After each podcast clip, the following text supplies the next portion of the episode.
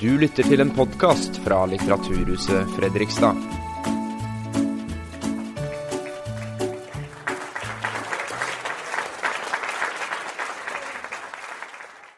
Hallo, takk for sist. Takk for at jeg fikk komme.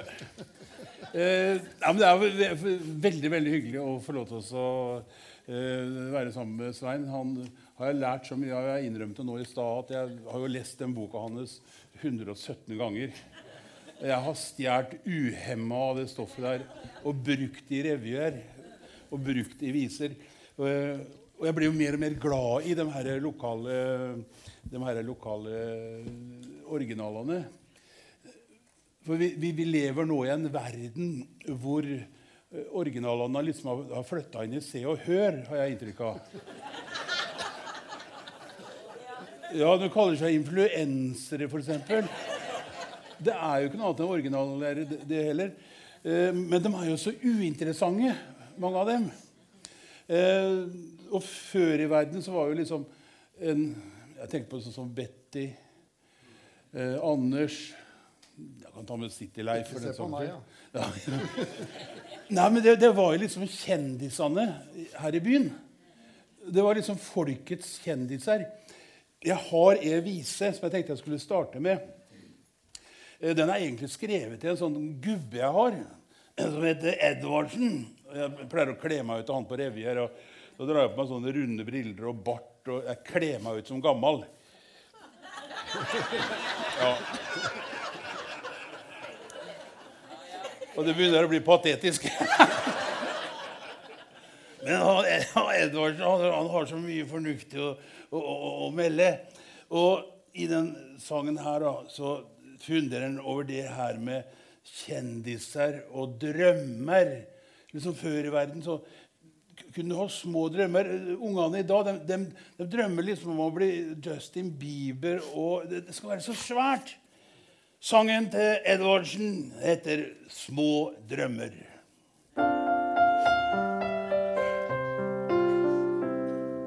Det var en gang at ingen visste hva en kjendis var, og det var like bra.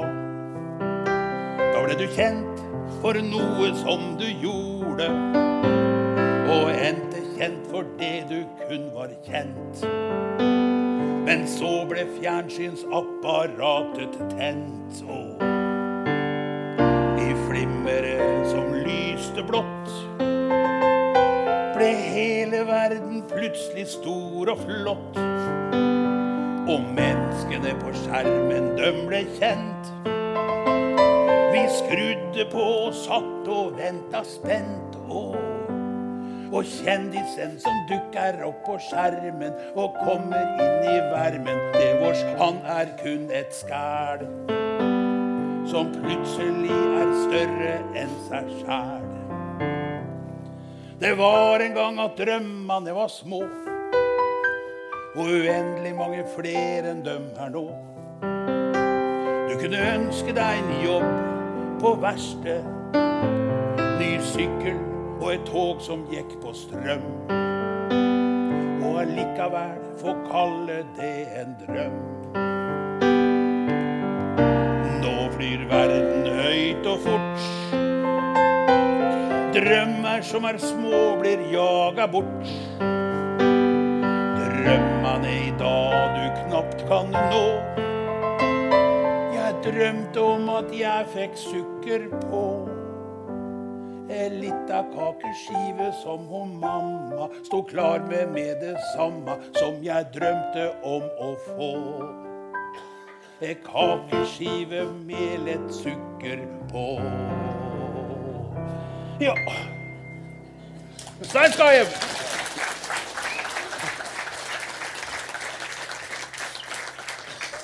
Så vi hadde jo den forestillingen her i fjor høst.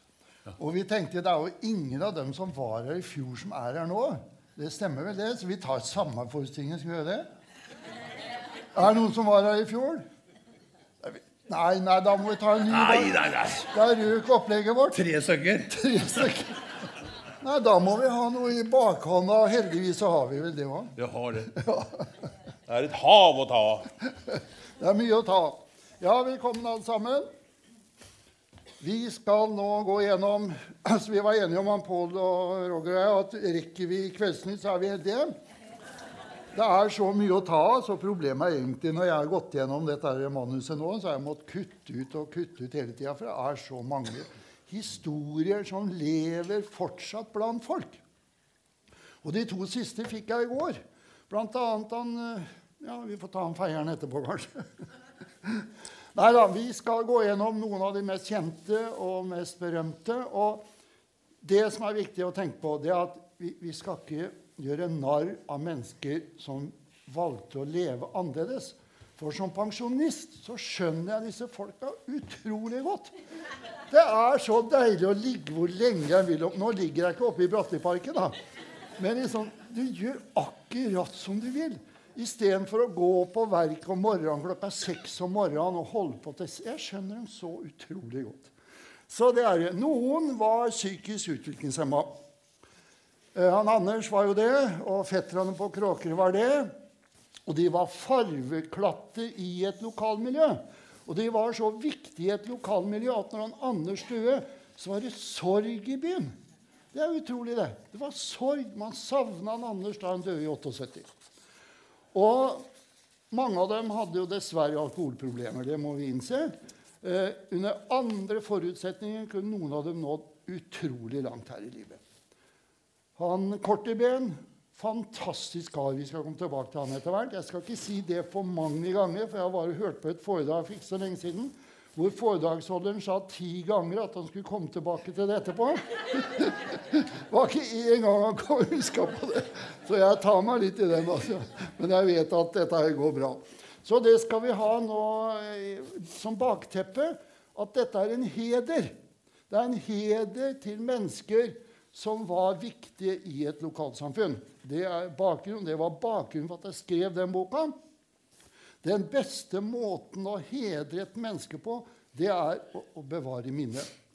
Og han Aivo Figaredo skrev i boka om faren sin vi dør to ganger.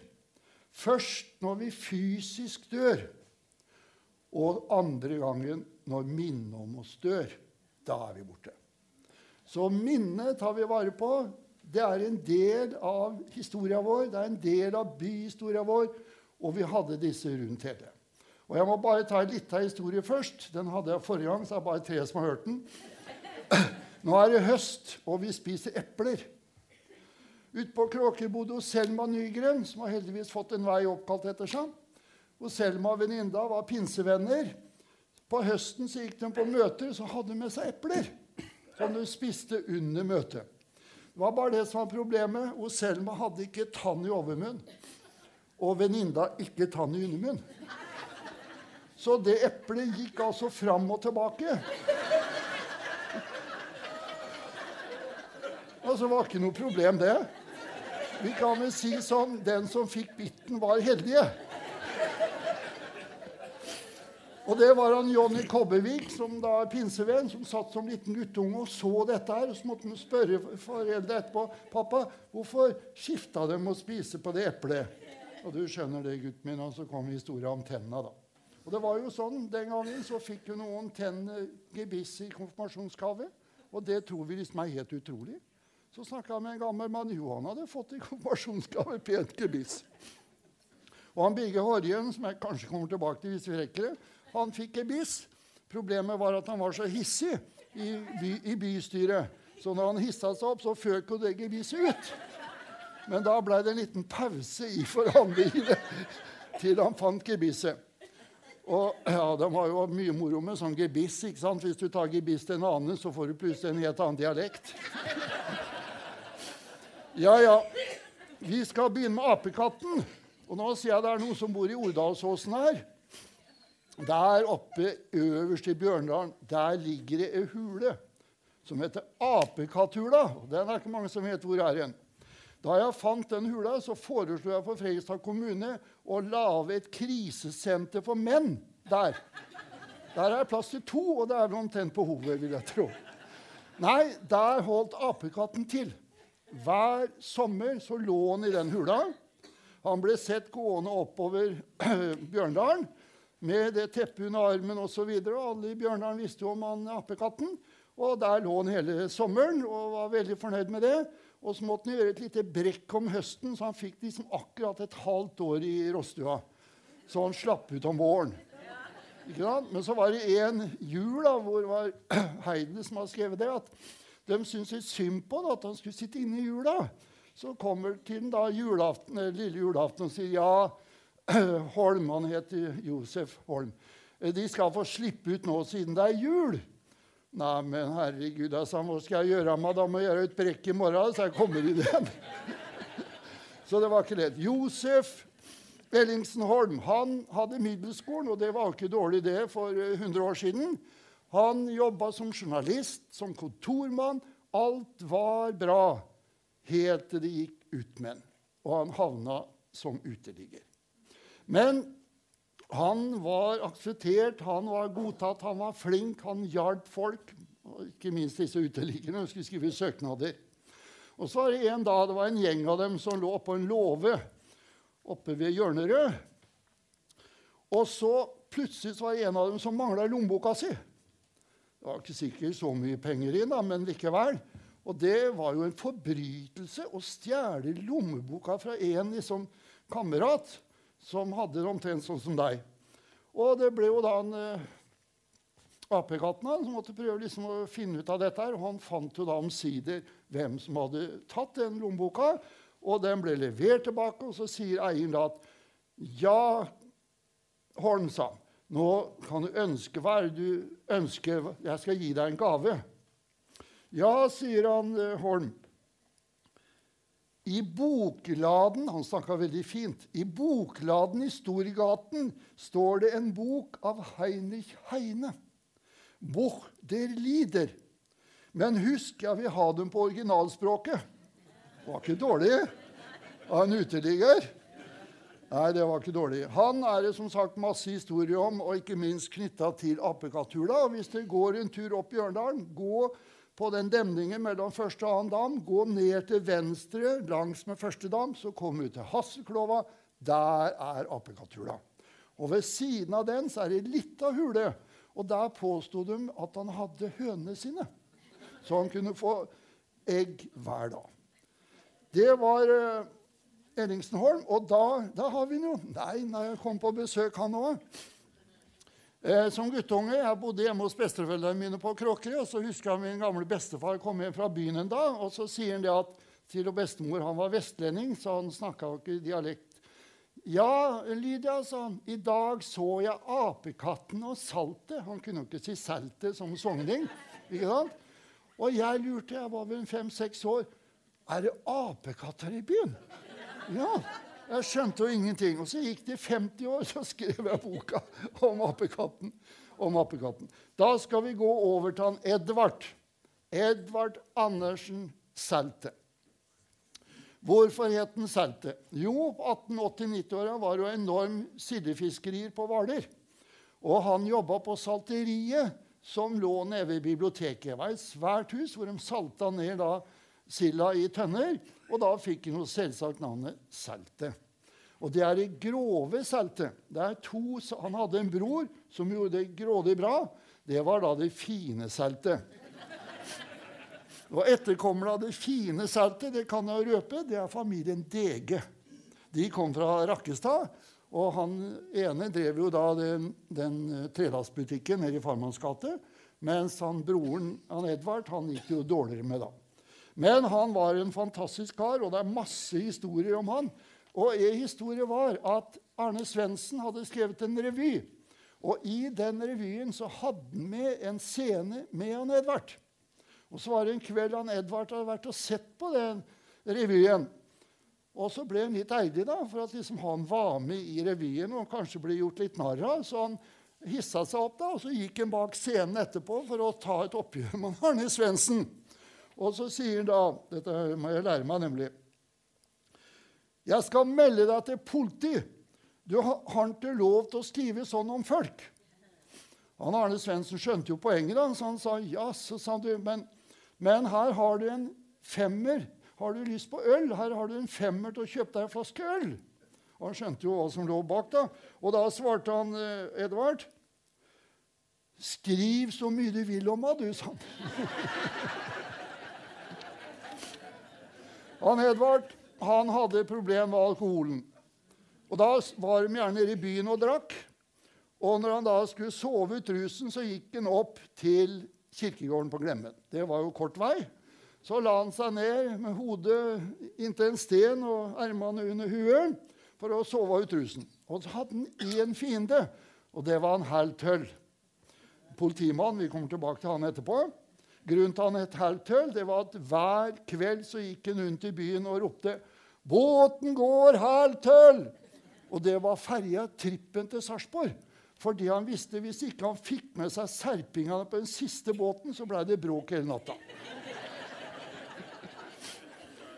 Så når det nå blir ferje fra byen opp til Selbakk, så kommer de til å gå i byen og rope 'Ferja til Selbakk går halv tøll'. Men iallfall Han, han her tøll, ja. Og så ligger han Edvard der. Trodde han skulle sove, og så ser han her tøll at han Edvard går opp. Går opp, rusker tak, røsker tak i ham. 'Edvard, du får ikke lov å sove her, vet du. Det er i kjerregården.' Så reiser han seg halvveis opp, og så ser han seg rundt først. Og så ser han på han herr Tøll og sier Død herr Tøll, hvorfor er du alltid etter meg? De andre som ligger her, må ha ligget mye lenger enn meg. Og det hadde han jo rett i. Ja, Edvard, jeg får ta en til av samme jeg farta. Det går litt utover de stakkarene som var her i fjor. Men uh, igjen så er han på vei gjennom kjerregården opp til Hørra, for der møttes disse her folka som drakk. Og så kommer det litt sånn skumring, litt sen kanskje, men så ser han det er en grav som er åpen. Åpna, gravd opp et høl. Og så sitter en kar der med bena nedi. Det hadde han selvsagt graveren, ikke sant? Men det visste jo ikke han Edvard. Så går han forbi og sier 'Jaså, du er så frest så du sitter oppe nå?'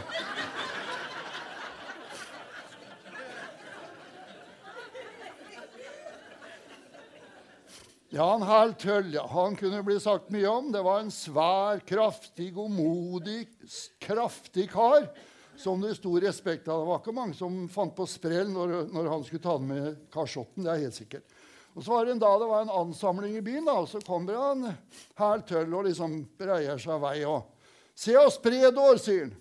Så er det en som tok sjansen. vet du. Spre deg sjøl, tjukken! Og så sprang han. og så sprang han det han kunne. Og han kort i ben hadde jo da et anstrengt forhold til han Hertel. Det sier seg sjøl. Det var jobben til han Hertel å huke tak i. Og han skrev jo dikt hele tida, altså på rim. Var, han var en poet uten like. Og lira av seg ting. Og dette hørte jo folk, og folk huska det. Og så er det en, da. Ja, så rusla jeg da oppover i byen. Var innom Nilsen og fikk meg en pose gryn. Ta på meg brillene bare. Og derfra setter jeg kursen mot Pusa. Men der gikk en hel tøll og snusa. Og Pusa det var et serveringssted i byen her, hvor hun kunne drikke. Og skulle du her vel inn og fylle deg igjen, sånn. Men der skal det bli noe med. Se bare appell deg av sted, sånn. Da blei jeg molefunken, kan du tru, og rusla nedover til Pretorius bru. Der traff jeg heldigvis han Oskar Fjert. Og han bød meg opp til smerten på en knert. Og det var et altså utsalgssted igjen. Så hadde vi en annen politimann som het Nes. Og Nes han het egentlig Anders Nes og var fra Rådshøy. Han ligna på en prikk Sparknekten i kortstokken. Og dermed fikk han jo selvsagt navnet Sparknekt. ikke sant? Så var det en dag det var slagsmål i byen. Og Nes kom bort og blanda seg og skulle ordne opp. da, og Så falt han og ramla liksom ned på bakken på gata der. Og folk, og så skulle han reise seg opp.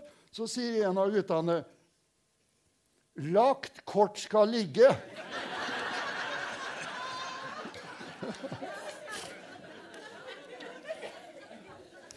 ja, Jeg skulle bare smette innom her eh, eh, ja, Når du fortalte den der gravferdshistorien, eh, tenkte jeg på han fylliken som gikk forbi åpen grav. Og så hadde dette en annen fyllik oppi der. Ja, og det var på vinteren, så det var kaldt. Så lå han nede der og så oh, jeg fryser. Oh, Så sier han andre fylliken Det er ikke noe rart at du fryser. Du har sperka deg all jorda, jo. Det har sikkert skjedd her i byen. Ja. Eh, Men det som jeg eh, tenker litt på det, Jeg har prøvd å få- få Luran Stein til å gå litt på verksted. For der på FM der er det mye historier fra. Og, og for før i verden var det jo sånn at eh, særlig litt bedrifter av en viss størrelse du, De hadde jo folk i arbeid som ikke var brukalt til noe særlig i det hele tatt. Men det var liksom en sånn samfunnsplikt. og det, det, det var egentlig en ganske fin, eh, fin greie, tenker jeg. Verste, Der var en som heter Carl Lie, som var formann for eh, Det ble kalt for ja, Lie-gjengen. Eh, og dem ja, De var vanskelig å omsette internt i bedriften, for å si det sånn. For de, jeg, jeg vet ikke hvor mange det var. Jeg har sett et sånt tall på 44. Og, det, og han Carl Lie han var, han var jo eh, formann i partiet i Onsøyhaug. Og han streba med det der å få plassert dem ut. Er det noen som har ringt rundt? Kan dere ta noen fra oss? Kan dere Ja, ja, du får sende opp en, da, svarte en eller annen formann. Liksom. Og når han fra Lien kommer opp, så var det sånn Ja, du kan legge deg der borte. Det var eh, Men li, likevel så Du har en funksjon, det, fungerer, og det tenker jeg det det var ganske fint. Eh, En annen side av saken er jo eh, det her med produksjon på verksted. At det ble bygd båter i hele tatt. Og det er ikke bare Li-gjengen den historien går på. Altså det, sånn, det var jo folk der som hadde, hadde fast plass på dass. Og hvis det purra en eller annen formann og måtte ut på verkstedgulvet, og så satt skyggen igjen på dass. Det var historien.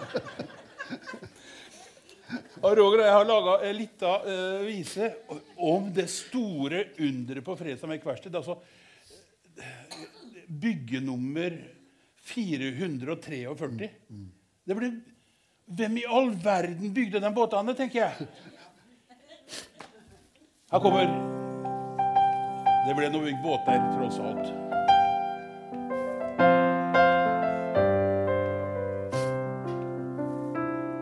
Historier om lediggang og lange dobesøk. Det eneste de kunne, var å tenne seg en røk. Mytene om verksted er seige saker, det. Og hverdagen får ligga i fred. Påfunn og hyss,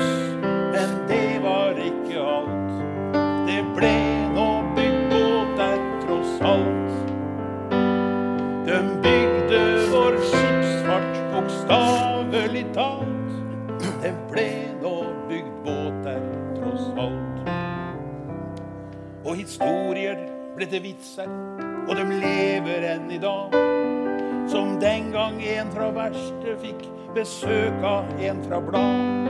Ja, hvor mange jobber her, ble spurt, og svaret det er kjent. Ja, halvparten jobber omtrent.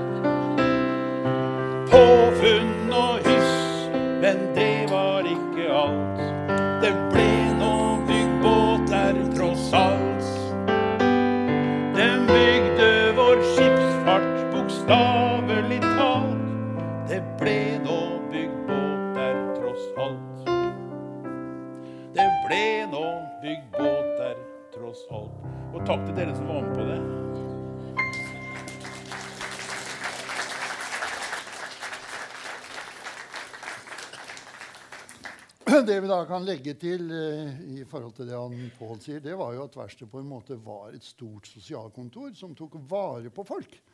Og det har vi ikke råd til i dag. Det er jo det utrolig positive. at kunne, altså, De kunne ha folk som da ikke var like effektive. Og det minner meg om Hans Nissen Hauge. Da han begynte med bedrifter, så hadde han altså lagt opp bedrifter etter hva folk klarte å gjøre. Teglverka, hvis du måtte på do der i arbeidstida, så måtte du ta igjen den trillinga i frokostpausen eller middagspausen. Fordi at du skulle trille så og så mye. Så da kunne du ikke sitte lenger på do. Og på sagbruka der hadde de bygd opp doene med sånn skrå ned for at folk ikke skulle sitte lenger enn absolutt nødvendig. det er en vi kunne snakka mye om, det er Christian B. Apenes. Men eh, det er jo det å finne nye historier det er jo ikke like lett, da, men jeg kom over en som kanskje noen av dere har hørt før. Men det var under en rettssak at uh, en av uh, bisitterne var kjøpmann Wergeland i gamlebyen. Og så var det en sak da hvor Angvar Vilberg var forsvarer og la ut til de vide og brede. Uh, og avslutta da med et sitat av Bjørnson. Og så vender da apene seg mot Wergeland, og så sier han nå har vi hørt hva Bjørnson sier. Hva sier Wergeland?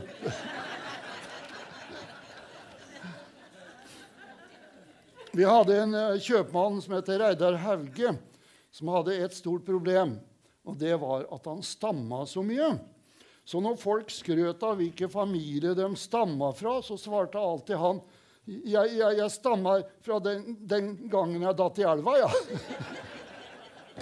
Og En vinterdag så var han ute og gikk på glatte føre, og så kom han forbi fallet. Og skjønte jo ingenting, og så ramla han og slo seg fælt. Og så sier han her står det 'fallet', sånn. Og jeg som slo meg så fælt. Havanna kunne vi snakka masse om. Han og sønnen ute i Vaterland det er vel en person jeg kommer til å prøve å få mer opplysninger om. Men det var en dag for vi hadde en lege som het Søtorp, som fikk en telefon fra Vatland om å komme i full fart. For Havanna satt korketekkeren i halsen. Hvorfor han skulle få til det, er jo liksom helt utrolig. Og Søtorp han ordna seg da, kledde på seg og skulle kjøre, og så kom det en ny melding. Det er ikke nødvendig. Det har ordna seg med korketekkeren. Det er bra dere fikk opp korketekkeren, sier da Søtorp. Nei, vi har ikke fått den opp. Vi fant en ny en.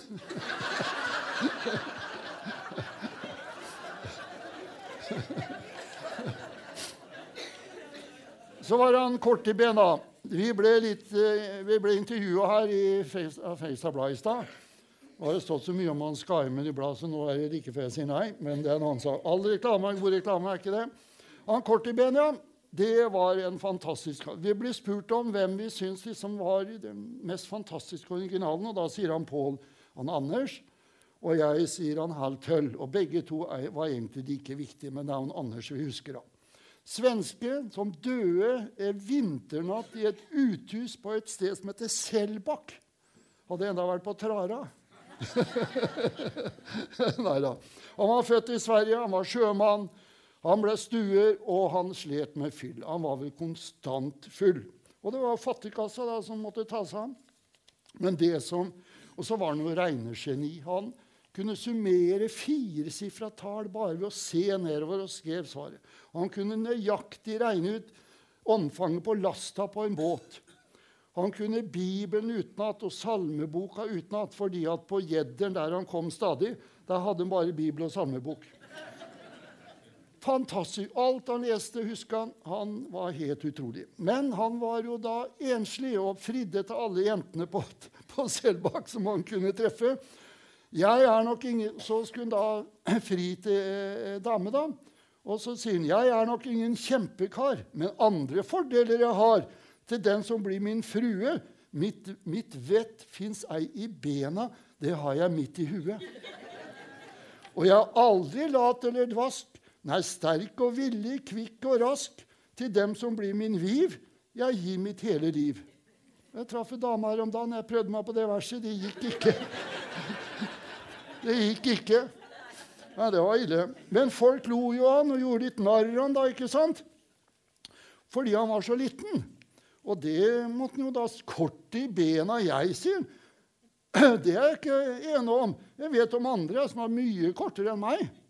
Jeg kjente en fra brakken som to av måtte strekke dersom han skulle rekke å tråkke ned i bakken. Hold orden på papiret her. Så traff han en kar som ropte på han. Hei, du, Korteben. Oldemora til han gamle-Erik er nettopp død. Og før i tida var det jo vanlig å gi en liten skjerv til avdødes etterlatte. Så Korteben fant fram noen ører og rakte han som ropte. Det var trist å høre, men her har du noen øre. Gapen ble paff og undra hva skal det bety, kort i ben. Jeg må jo gi, gi, litt, jeg må jo gi lite grann til deg som har blitt enkemann. Kort i ben, jeg? Nei, men kongen av Siam, han er kort. Han må stå på en stol når han skal gre håret, ellers så rekker han ikke opp. Og borti Moss, der bor en som er så kort at det lukter fotsvett av håret hans. Og han strødde om seg med korte replikker med rim. Så var det en som ville gi en bær, og da må han jo svare med et rim, da. Ja, ja, har du bær, så legg dem der. Ja, ja. Så hadde vi en tannlege i byen som heter Dagny Huglen. Og så En dag var det en kar som så at han korteben var klatra opp på det skiltet for å gjøre en forandring på det skiltet. Han skulle ha svinaktig moro av å fjerne H-en, for da ville det passe bedre. Da ble det uglen. Kast meg ut, ja. Han ble jo stadig kasta ut, og det var jo et problem. For han fikk jo ikke lov å være full inne. Ta, og så sier han jo da til Helter Ta meg ikke så hardt i ermen. Jeg gjør den til store lermen, og når jeg kommer utafor døra, da har han ikke noe med meg å gjøre. Og så ble han stadig innkalt til forhør da, pga. fylla. Og da var det en politi som het politimester som het Rask. Og der er det jo mange muligheter. Han ble forhørt og spurt om yrket. Om dagen så arbeider jeg på skuter, men om natta går jeg til byen og slår ut ruter. Det var jobben. Det var jobben. Mitt navn er Rask, sa politimesteren. Ja, jeg visste det var noe søppel, ja. Enten å var det rusk eller rask, var det kjappesvaret. Da har vi, da har vi Apenesene. Vi går videre, Perry. Da har vi kommet til Vennersten. Har vi noe bilde av han Hvem er det som ordner med bildene? Der, ja. Der har vi Vennersten, ja. Og han er jo prototypen på en uteligger. Vi må jo si det. Det er jo sånn som litt rufsete i håret og har noe rundt halsen og litt Ja. Han Mora var norsk, og faren var svensk. Det kan gå bra for det. Han vandra mellom byene i Østfold og hadde egen rute hvor han var da innom og fikk noe å drikke. For som sagt, det var det som var problemet. Han hadde bare én arm. Det ser dere det ser ikke det på bildet. Nei da. Og den han mista på et sagbruk hvor han hadde jobba litt, og det var et problem. Det var bare én arm. Men han var, han var, en original og så ikke på seg som noen taper og ville sjøl leve sånn. Og På slutten av livet så hadde han en fast rute mellom Son og Moss med en la, liten avstikker. Og så sier han da jeg er en fattig lasaron som loffer mellom Moss og Son. Noe større rikdom det har jeg ei. Vår Herre ser til at jeg klarer meg. Og det hadde han rett i, da. Og da har vi kommet til han Anders. Jeg har én historie jeg skal ta om han Anders. Det er en fantastisk tegning av Bjørn Deksling som har tegna. Utrolig flott av han Anders. Han døde jo da i 78, og så står det da den bysta av han Anders nede på torvet. Ned på torvets glade hjørne, og der står det feil navn på han. Så det har jeg påtalt. Han het ikke Johansen, men Johannessen. Så det har de gjort feil. Men det er ikke noen stor sak. Og han hadde jo da fetterne på, på Kråkerøy, de tre gutta der ute. Og det er to historier som jeg har fått høre nå. og Det ene går på at folk spurte han stadig har du arrestert noen, for han hadde jo uniform. Selv om det var en bussjåføruniform, så, så, så var det like bra. Og da svarte han alltid nei, ikke i dag, men i morgen. Det svarte han hver gang, og så gikk han smilende videre. Og det hadde jo folk litt moro med da. Så var det en bekjent av Anders som hadde truffet ei svensk jente. Og Det gjorde inntrykk på han Anders, for uh, han ville også ha seg ei svensk jente. Og folk spurte stadig da om åssen er det med svenskejenta di, Anders? Og Det der likte han ikke. skjønner du. Det, han skjønte jo at det var liksom litt dumt. Og til slutt så var det da noen antagelig som hadde sagt til nå må du gi deg med det svenskejentegreiene, for da sa han hun er død. han tok livet av henne. Herta Ja, kom inn. stikke imellom. Eh, han eh, Vennersten eh, Jeg bør ikke spole tilbake. Husker hvordan han ser ut. Flott kar. Eh, da jeg flytta til Engelsviken, så begynte jeg å forske litt. litt for jeg fikk høre at det var så vanskelig å få innpass der. Og, så jeg drev og samla historier og sånn i Engelsviken. Og, så, og da fikk jeg høre en historie om, eh, om han eh, Vennersten. Når han kom til gamle Murten. Eh, ja, eh, og da, eh, For han var, han var litt fin på det, fikk jeg inntrykk av. Ja. Han tigde ikke. For han hadde, skulle aldri ha mat, han skulle bare ha en kopp kaffe. Og da var det sånn, og så hadde han pakka den opp i matpakka han hadde med seg. da. Og oppi der så var det bare gammel hestemøk. Ja, det er triks, det, vet du. Og, for da sier de aller fleste at Nei, men du kan jo ikke ete det greiene der. Vi smører noen skiver til deg. Ja. Men hos han gamle Murten i Engelsviken så virka ikke trikset. Og han satt bare og så kikka på den matpakka og skjønte jo tegninga med en gang. Og så sier han at nei, dæven, det var noen gamle, tørre greier. Du får, får fly til stallen og hente noe ferskere.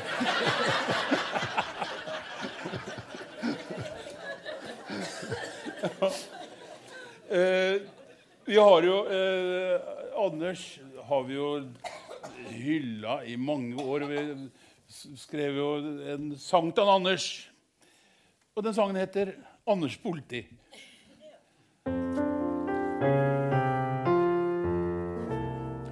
Anders, han var sjefen, og ingen måtte kny. Han styrte allting etter egen norm. Han var dirigenten som eide denne by. Politimann i drosjeuniform. For Anders politi passa på at rett var rett og galt var galt, og midt imellom der så lå alt det rare litt på skrå. Det sto en bil i krysset som ikke kunne gå. Var punktert og sto der til besvær. Da trådte Anders fram, forkynte dommen så. Det er ikke lov å punktere her. For Anders politi passa på at rett var rett og galt var galt. Og midt imellom der så lå alt det rare litt på skrå. Politi eller ei, det brykker deg og meg. Hovedsaken er han skapte liv. Når alt blir like glatt, når alt blir like flatt, la det ukorrekte bli et korrektiv. Og 17. mai i toget, der var han alltid først. Rank som hadde svelga ned et spett. Blant like menn den dagen, så var han Anders størst. Til hornmusikk han gikk så stolt og rett. Ja, vi elsker Anders politi kun for det han var. Ja, dette var en reise tilbake til den gang da byen var mindre holden og mer raus. Nå er han Anders borte, men gjennom denne sang skal Anders politi aldri bli helt taus. For Anders politi passa på at rett var rett og galt var galt, og midt imellom alt det rare litt på skrå. Alt det rare litt på skrå. Lenge levde skrå.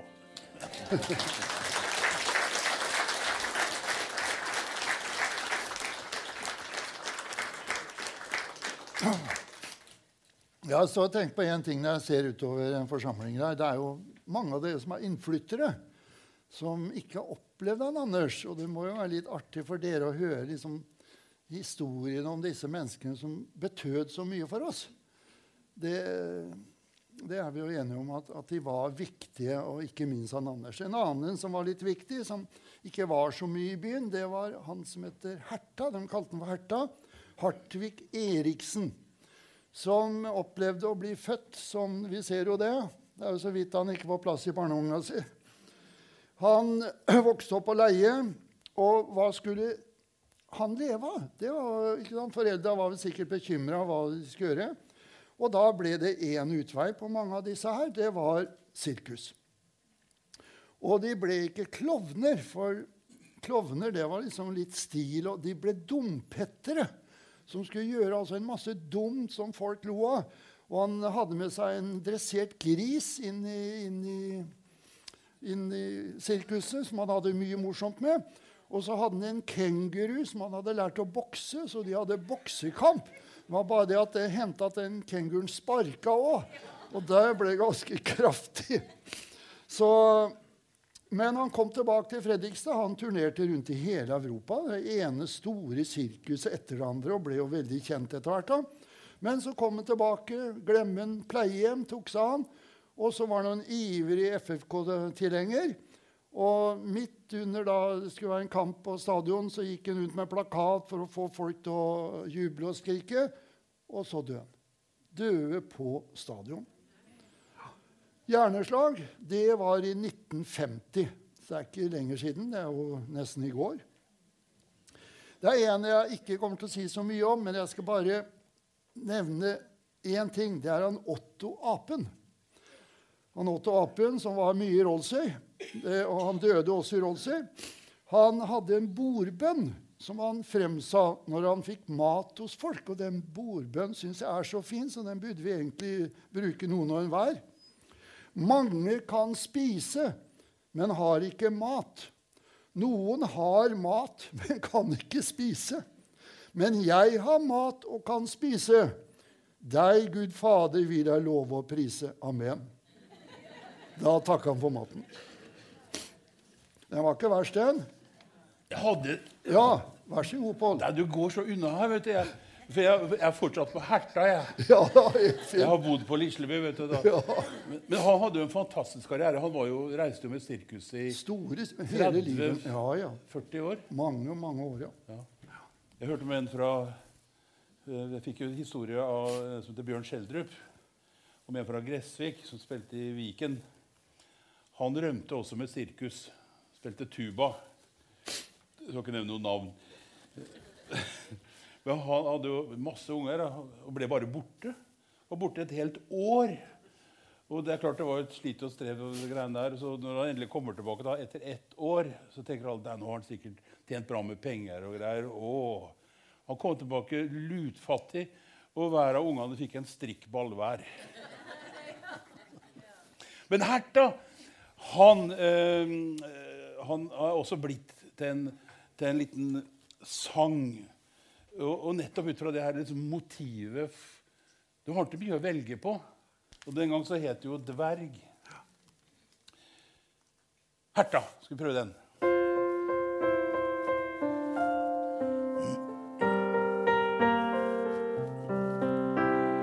Den gang så var det vel ikke noen tvil om hva du skulle bli. Det sto mellom sosialen og rollen som klovnen Kiki. Hjemme så hette du Herta, Lislebys mest kjente dverg. Så reiste du ut i verden med en tro som kan flytte berg. Klovnen Kikki gjorde lykke. Klovnen Kikki med suksess.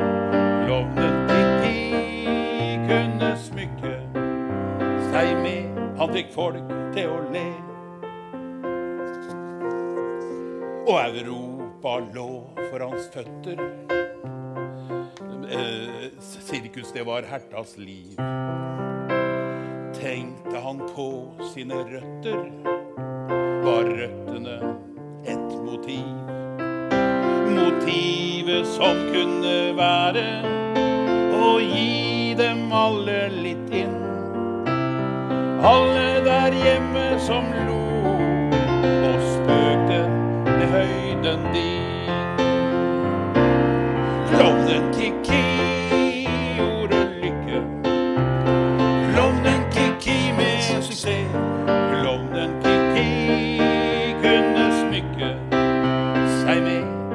folk til å le.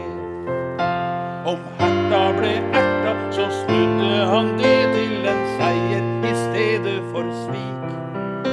Han var den han var, og han innså vel det at hvert menneske, hver frik, er unik.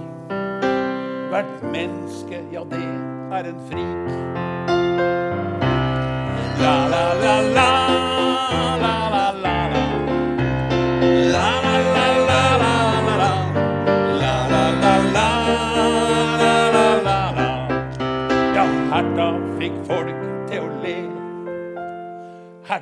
Fikk folk til å le. Det er viktig, det òg.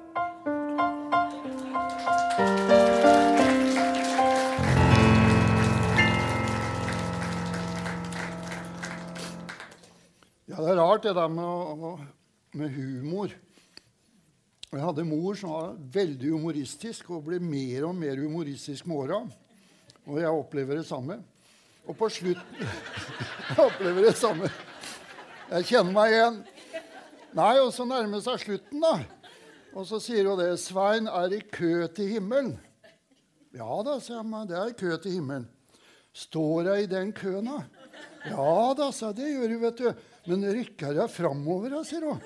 Ja, sa du. Rykker stadig framover, ser jeg tannlegen hennes. Du rykker stadig framover, vet du. To dager før hun døde, så var hun veldig spent på hvor hun var i den køen. Nå er hun nummer to, sier jeg. Nei, har jeg blitt nummer to, så? Og så ble hun nummer én. Og det hendte når barnebarn og oldebarn var hos henne. Da tøysa hun veldig. Så ringer hun meg. 'Svein, har du, gutten min sa hun alltid, har, du, har, du, har de sagt noe at jeg tøysa for mye, eller? Nei, slapp helt. Altså, det er bare moro.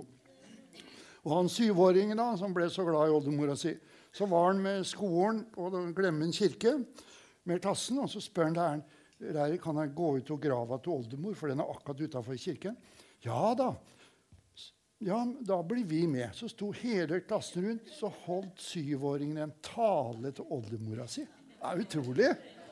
Kjære oldemor min. Jeg er så lei meg for de hadde så utrolig Det er moro.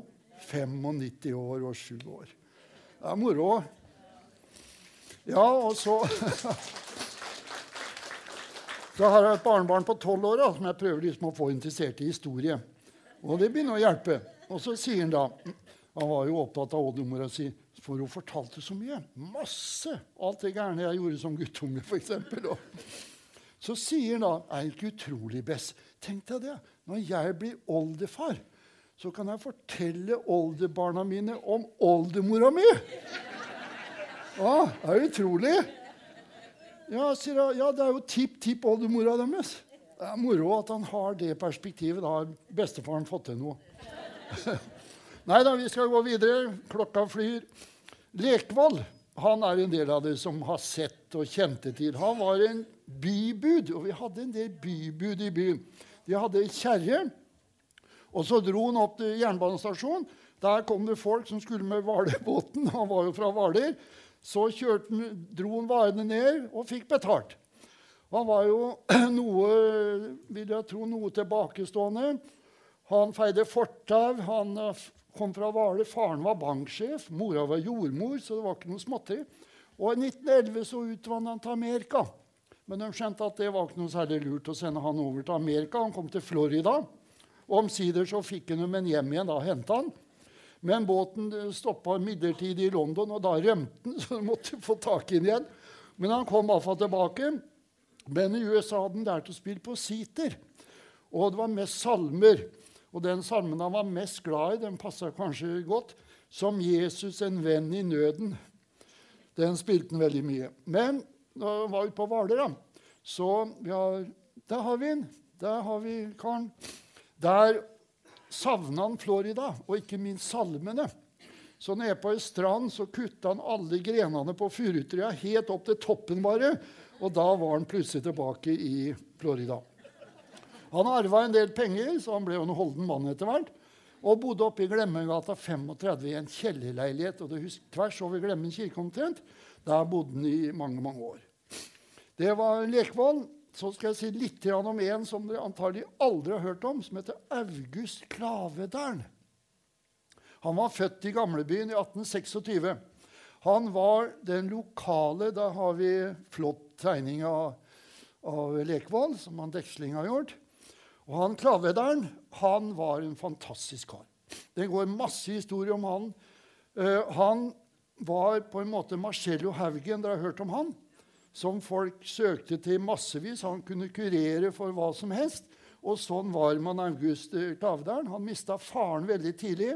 Ble satt bort på legd i, i, i Vartei, på Spydevoll. Og så kjøpte han seg en eiendom oppe i Skjebardalen. Lita stue, et rom og kjøkken. Og gifta seg, fikk en datter som het Inger. Da han ble konfirmert, så skjønte presten at denne gutten her, han er noe enestående.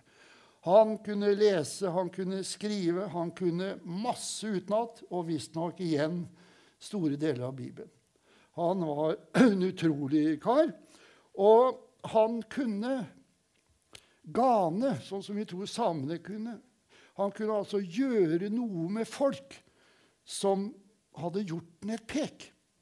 Og så var det en dag det var en epletyv oppe i tre. Og da gjorde han et eller annet sånn Epletyven ble jo sittende der oppe i to dager før han klarte å komme der. Altså, Den egenskapen der skulle jeg gjerne hatt. altså. Jeg må jo, må jo innrømme det. Så var det en som hadde stjålet klokka til en annen. Da hadde han en bøtte, helte han vann oppi. Så så han bildet av tyven oppi, og så fikk han folk rundt og se. Ja, men det er jo han Johan Jensen. Som har, ja. Sånn var det hele tida. Han kunne han kunne gjøre dyr De kom til han med dyr. som Han gjorde. Han var altså dyrlege. Han kunne stoppe blod. altså Det var ikke grenser hva han kunne. Så han var helt utrolig. Og han var klarsynt. Han kunne se hva som kom til å skje. Så han Klavedalen han er det skrevet en god del om, heldigvis. Og det, akkurat det der så kjørte han da forbi et sagbruk. Og der ropte de noe, noe elendighet etter han. Og han bare så på de karene, og så kjørte han videre.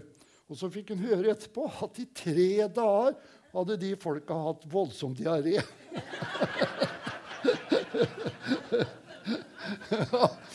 Så det der skulle jeg gjerne Den egenskapen der hadde vært Ja, og så Nils Kammer. Der har vi stua. Det er jo egentlig ikke, men den ligger på samme plass. Men den så omtrent sånn ut som den stua han klavederen. Han gikk alltid kledd som en munk, med svært kledbare, klebare, med tau rundt livet, og lå på en brisk. Og hva het en utrolig spennende kar. Og da jeg jobba med den, så måtte jeg dra opp der og snakke med gamle folk oppe i Skjebardalen. Og jo da, de hadde hørt om Klauvedalen. Han han var utrolig. Det er omtrent som Snåsamann. Han fikk utrolig søkning av folk som hadde sykdommer som de ikke fant ut av, og han helbreda dem.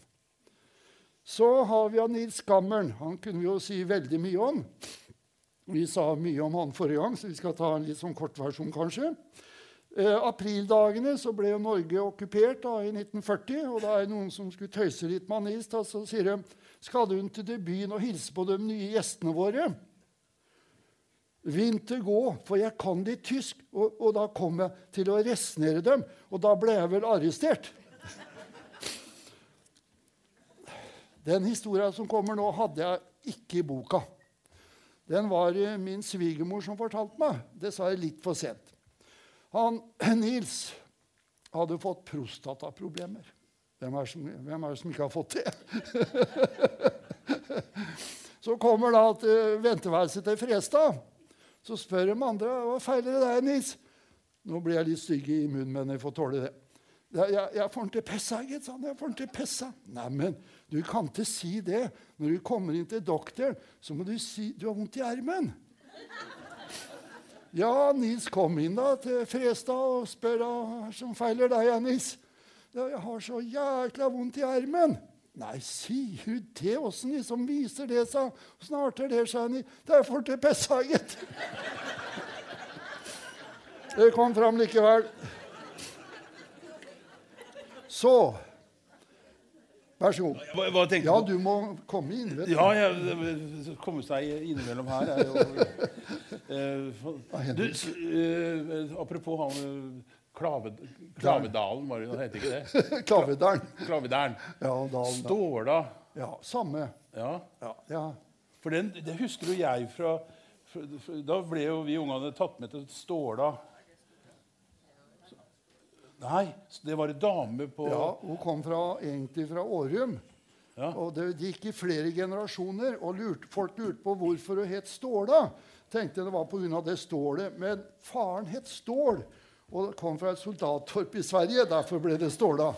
Men hun hadde jo da kontor her nede. Men Og hun klipp, kan jo, klippte over ja da, kan jo se på dem som har vært hos Ståla. Ja, ja.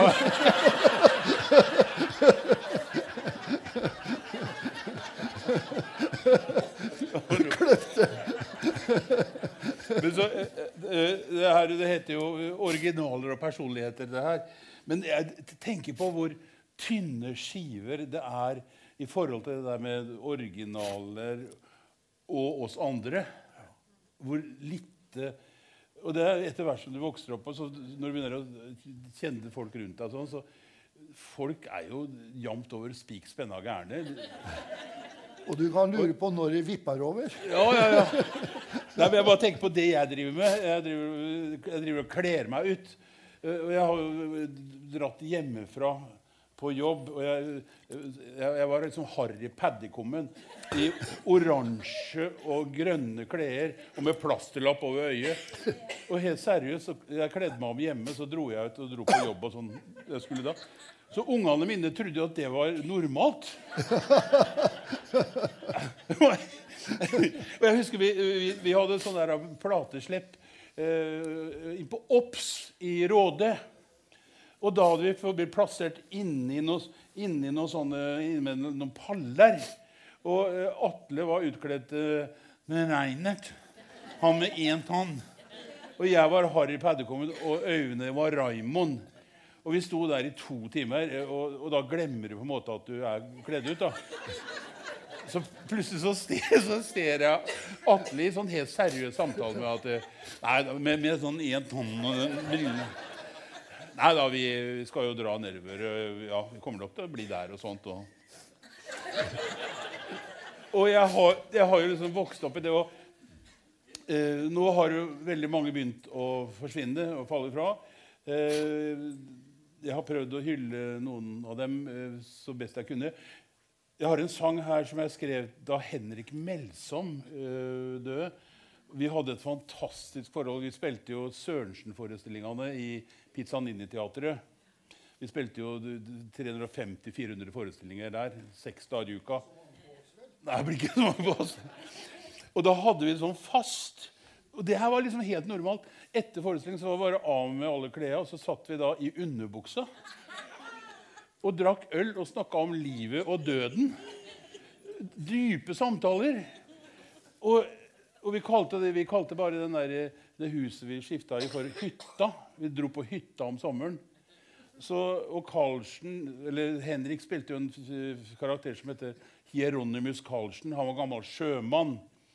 Eh, derfor så skrev jeg, og jeg spilte Sørensen, derfor så skrev jeg en sånn avskjedssang til Henrik. Så det her kan jo være en sånn liten avskjedssang til alle som ikke er så normale som de tror.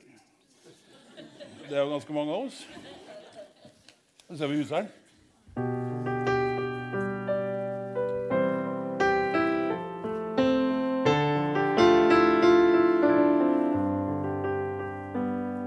Da har Karlsen lagt av gårde, mønstra på sin siste reis. Nå tørkas det en tåre for en sjømann underveis. Var mye som ble borte, et orakel med sin penn. Produsenten som fikk gjort det, en artist og en god venn. Teppefall og stillhet når siste akt er spilt. Er det sånn du også føler når dagene er telt? Vi savner gamle Karlsen på sin tumle plass. På scenen som den snille og milde brumlebass. Sa Henrik. Takk for praten mens vi bytta fra kostymer til sivil.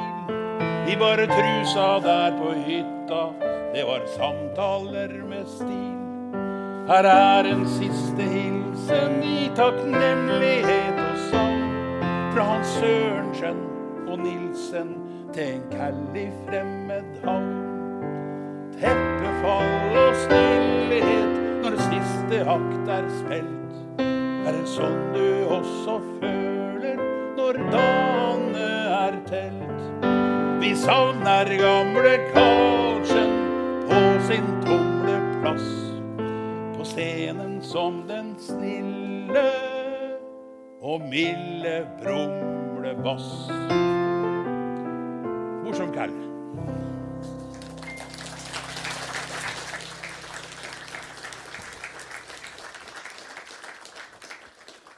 Ja, nå begynner det å nærme seg slutten, og jeg har samla noen forskjellige historier som jeg syns kan være litt artig å, å, ta med.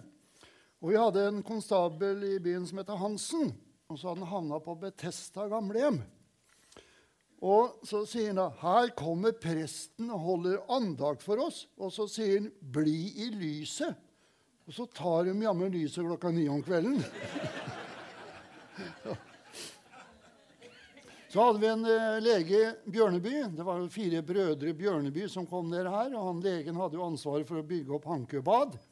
Og så satt han da ved dødsleiet til en gammel kone som var 105 år. Og hun hadde vel kanskje ikke vært Guds beste barn.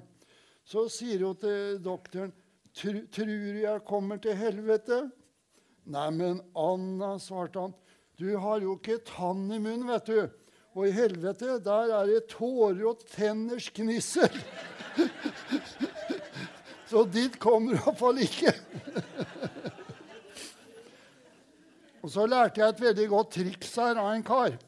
Det var en da som skulle kjøpe seg øl, og så går han inn i en butikken til Jacobsen, som holdt til nede ved torvet. Så spør han hva koster en flaske øl. Han visste jo godt det. 17 øre, svarte hun. Hva koster en kilo sild, da? Jo, det koster 17 øre, det òg. La meg få en kilo sild, da, sånn. Han fikk pakka og sto og funderte litt. Nei, jeg tar en flaske øl likevel, jeg, sa Og skjøv sildepakka bort til ekspedrisa og tar ølet og går. Dama roper etter han og sier, 'Du må jo betale.' 'Betale', sier han. 'Jo, for ølet, ja.' 'Ja, men den kosta jo det samme som silda.' 'Ja, da får du betale for den, da.' 'Ja, men silda, den har jo du fått tilbake.' Og det gikk ikke. og hvis jeg holdt på det med å spise, så var det, den har kanskje hørt noen av det, var en som het Østensen, som var så sabla gjerrig. Og så hadde han middag, da, og så hadde grøten blitt litt muggen og greier, og hadde jo ikke veldig lyst på den grøten. da. Men så hadde han en dram stående, så helte han oppi glasset og sier ja, Østensen, spise opp den grøten, så skal du få en dram etterpå. Jo, han fikk i seg den grøten, vet du, når han var ferdig, så tømte han jammen brennevinet opp på flaska igjen, og så sier han, 'Nei, nå narra jeg deg godt, Østensen'. ja. Får lære av den der. Og så hadde vi en kar som da burde ha vært hos en talepedagog, da, men han hadde et problem. Han blanda og bytta om orda. Og det kunne jo egentlig bli kjempemoro, da, egentlig, og folk huska jo dette her. Han kunne f.eks. si Ta deg en tur hjem til meg en dag. Er ikke jeg hjemme, så er kjerringa borte. I dag har vi hatt fløndre til middagen. Stekt i smør, både kjerringa og jeg. Når det regna, så kunne hun si Nei, nå er det godt å ha huet over taket, du. Så er det en litt triste versjon, da. Han og kona hadde tvillinger. Og så døde den ene tvillingen. Så skulle hun da til presten og melde fra dette dødsfallet. da. Og da han kom hjem, så oppdaga han han hadde sagt feil navn. Og måtte jo da tilbake igjen. Og så kommer til presten så sier han, 'Jeg kommer igjen, ja, pastor, for den som lever, han er død. Og den som er død, han lever.' og så var det under en vekkelse i menigheta. Så skulle han vitne, for han hadde jo blitt omvendt. Stå, 'Jeg har ikke vært mors beste barn, og en rønner har jeg vært alle dager.' Det kan nok kvinnfolka her i salen bevitne. Jeg er ikke helt ferdig ennå, da. Da ble det uro blant kvinnene, men da løftet han salvesfullt blikket og hendene og sa, 'Nei, sitt ganske rolig, damer. Jeg skal ikke nevne noen navn.' Og han kunne være ganske streng, da. Og så var det en dag han og kjerringa skulle til byen. Og så hadde han da med at, så sa han jeg kan like godt jule ungene før vi går, for de gjør jo noe gærent likevel. Og da han kom tilbake, så hadde ungene slått ut vinduene. For de hadde jo fått juling allerede. Og så går han bort til naboen så sier han da vi kom hjem, sto ungene på vid gap, og vinduene fløy ut på løkka og holdt leven. Så han Harald Feieren, da. Var ikke verst jeg huska det. Jeg har jo notatene, da. Den fikk jeg i går. den Harald Feieren. Han Harald bodde på Teglverka stort sett hele tida. Der sov han på ommen ikke sant, om vinteren osv. Og enkel påkledning. Det var sixpence, stor frakk og perler. Sommer som vinter, og på ryggen hadde han en ryggesekk. Og der hev han oppi flasker og greier som han så kunne selge. Han tok gjerne bussen til gamlebyen. og Ofte fikk hun å kjøre gratis av sjåførene. Hun syntes litt synd på ham. Men en dag så var det en som ville ha betalt og Da svarer han er det nødvendig, det, altså? Du skal jo samme veien. Men så ble han antagelig trøtt på livet, han Harald av Feieren. Så gikk han og hengte seg på Sorgenfri Terverk. Og det var jo bedrøvelig.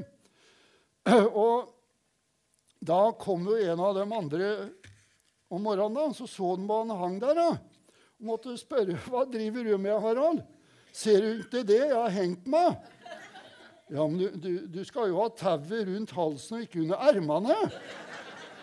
Er du gæren, da? Da får jeg jo ikke puste.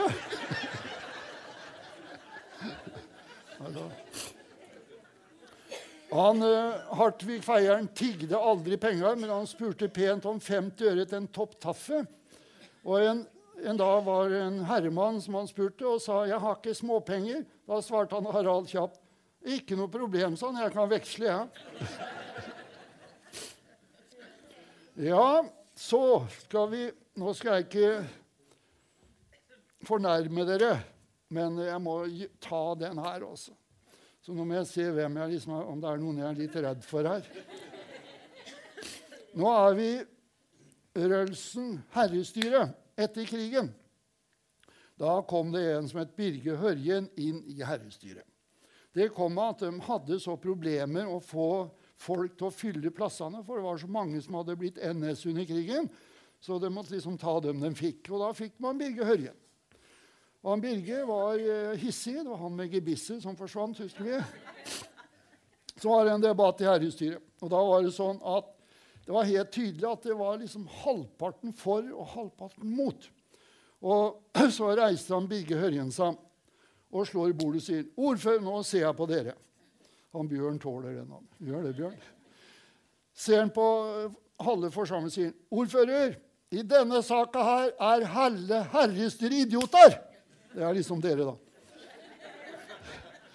Kristiansen slår klubba i bordet og sier, 'Birger, sånt noe sier vi ikke her i herrestyret i Rølsen. Ta tilbake de orda dine.' Og reiser han Birger Høringen seg, så ser han på dere.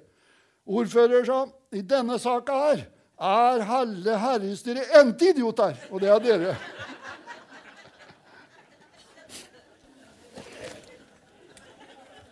Det har vært fantastisk hyggelig. Eh, skal jeg runde av med noe fra Engelsviken? Noen historier der Jeg, jeg jeg samla litt sånne historier og tanker på å bruke det i revy og sånne, sånne ting. Jeg husker jeg samla noen damer fra Engelsviken med et par dunker rødvin og hvitvin. 80% var ikke bruker. Jeg hadde blitt saksøkt herfra til månen. Men en historie som vi har laga dem på, det er da hvalfangerne kom hjem. Eh, så landa de på andre sida av fjorden. Eh, ble henta med fiskeskøyter der. Og da var, liksom, da var, de jo innom eh, polet, kjøpte ei kasse der. Og så var de innom godt, den andre godtebutikken, den ordentlige godtebutikken, og kjøpte en svær pose av drops. For det var et sånt triks de hadde. For det som var liksom problemet når far kom hjem etter seks måneder der ute, vært ute siden oktober til, til, mai, det var liksom å få litt sånn kvalitetstid med mor. For ungene, det var, nei, det var jo sånn at liksom, ungene de skulle ha en bete av far. Og mor skulle ha en bete av far. Og far var jo veldig lysten på å bete av mor. Og da hadde de, hadde de et triks, som de fortalte meg. At de tok altså en neve av drops og bare kyla utover stua. Og da krabba og krøp ungene og knaska og hadde seg. Og mor Ja, det var to minutter. Det holdt lenge, det. Så da skrev en oppskrift i sangform her som heter 'En neva drops'. Hvalfangsten er over, og far er kommet hjem. Kodrane og kodrer det er det samme som unger i engelskspråket. Kodrane får godteri, og mor hun får en klem. Det er mye som en løst er på når en har vært lenge vekk og levd så trangt og isolert der nede under dekk. Nå vil den være alene og leke mor og far. Soverommets dobbeltseng står nyoppredd og klar. Men kodrane dem henger på og slipper ikke nei. Da tar han faren ned av drops og kyler dem i vei. Og kodrane dem krabber og kryper etter drops. Knasker som kaniner, og mor og far er obs. Stikker inn i senga, får være litt i fred. Så banker det på døra. De får en neve til, yeah, yeah, yeah. Svosj! Godteri og knaske, knask som en kanin. Svosj! Knaske, knaske, knaske, kanin, kanin, kanin. Bak døra er det kanin, kanin, kanin. Og daske, daske, daske, kanin, kanin, kanin. Så går det noen minutter, de kjøper seg litt tid. Med søte drops og sukkertøy, det er en snedig vri. Alle er fornøyde og opptatt dem med sitt. hodrene for godteri, og andre har seg litt. Så begynner de å mase og rope 'pappa, kom'! Han griper etter sukkertøy, men posen den er tom. Timinga er dårlig, det gjør han pappa Stål. Og frustrert så han roper høyt 'Jeg var jo snart i mål'. Svosj! Godteri og knaske, knask som en kanin. Svosj! Knaske, knaske, knaske, kanin, kanin, kanin. Bak døra er det snaske, kanin, kanin, kanin.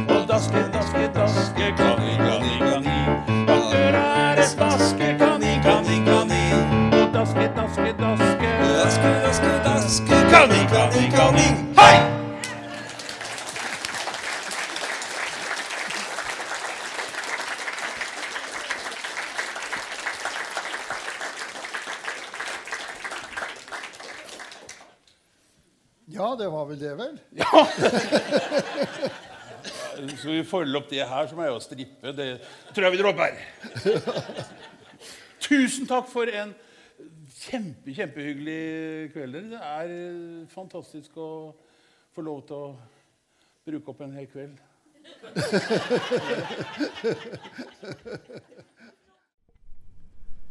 Nå har du hørt en podkast fra Litteraturhuset Fredrikstad. For mer informasjon, klikk deg inn på litthusfred.no.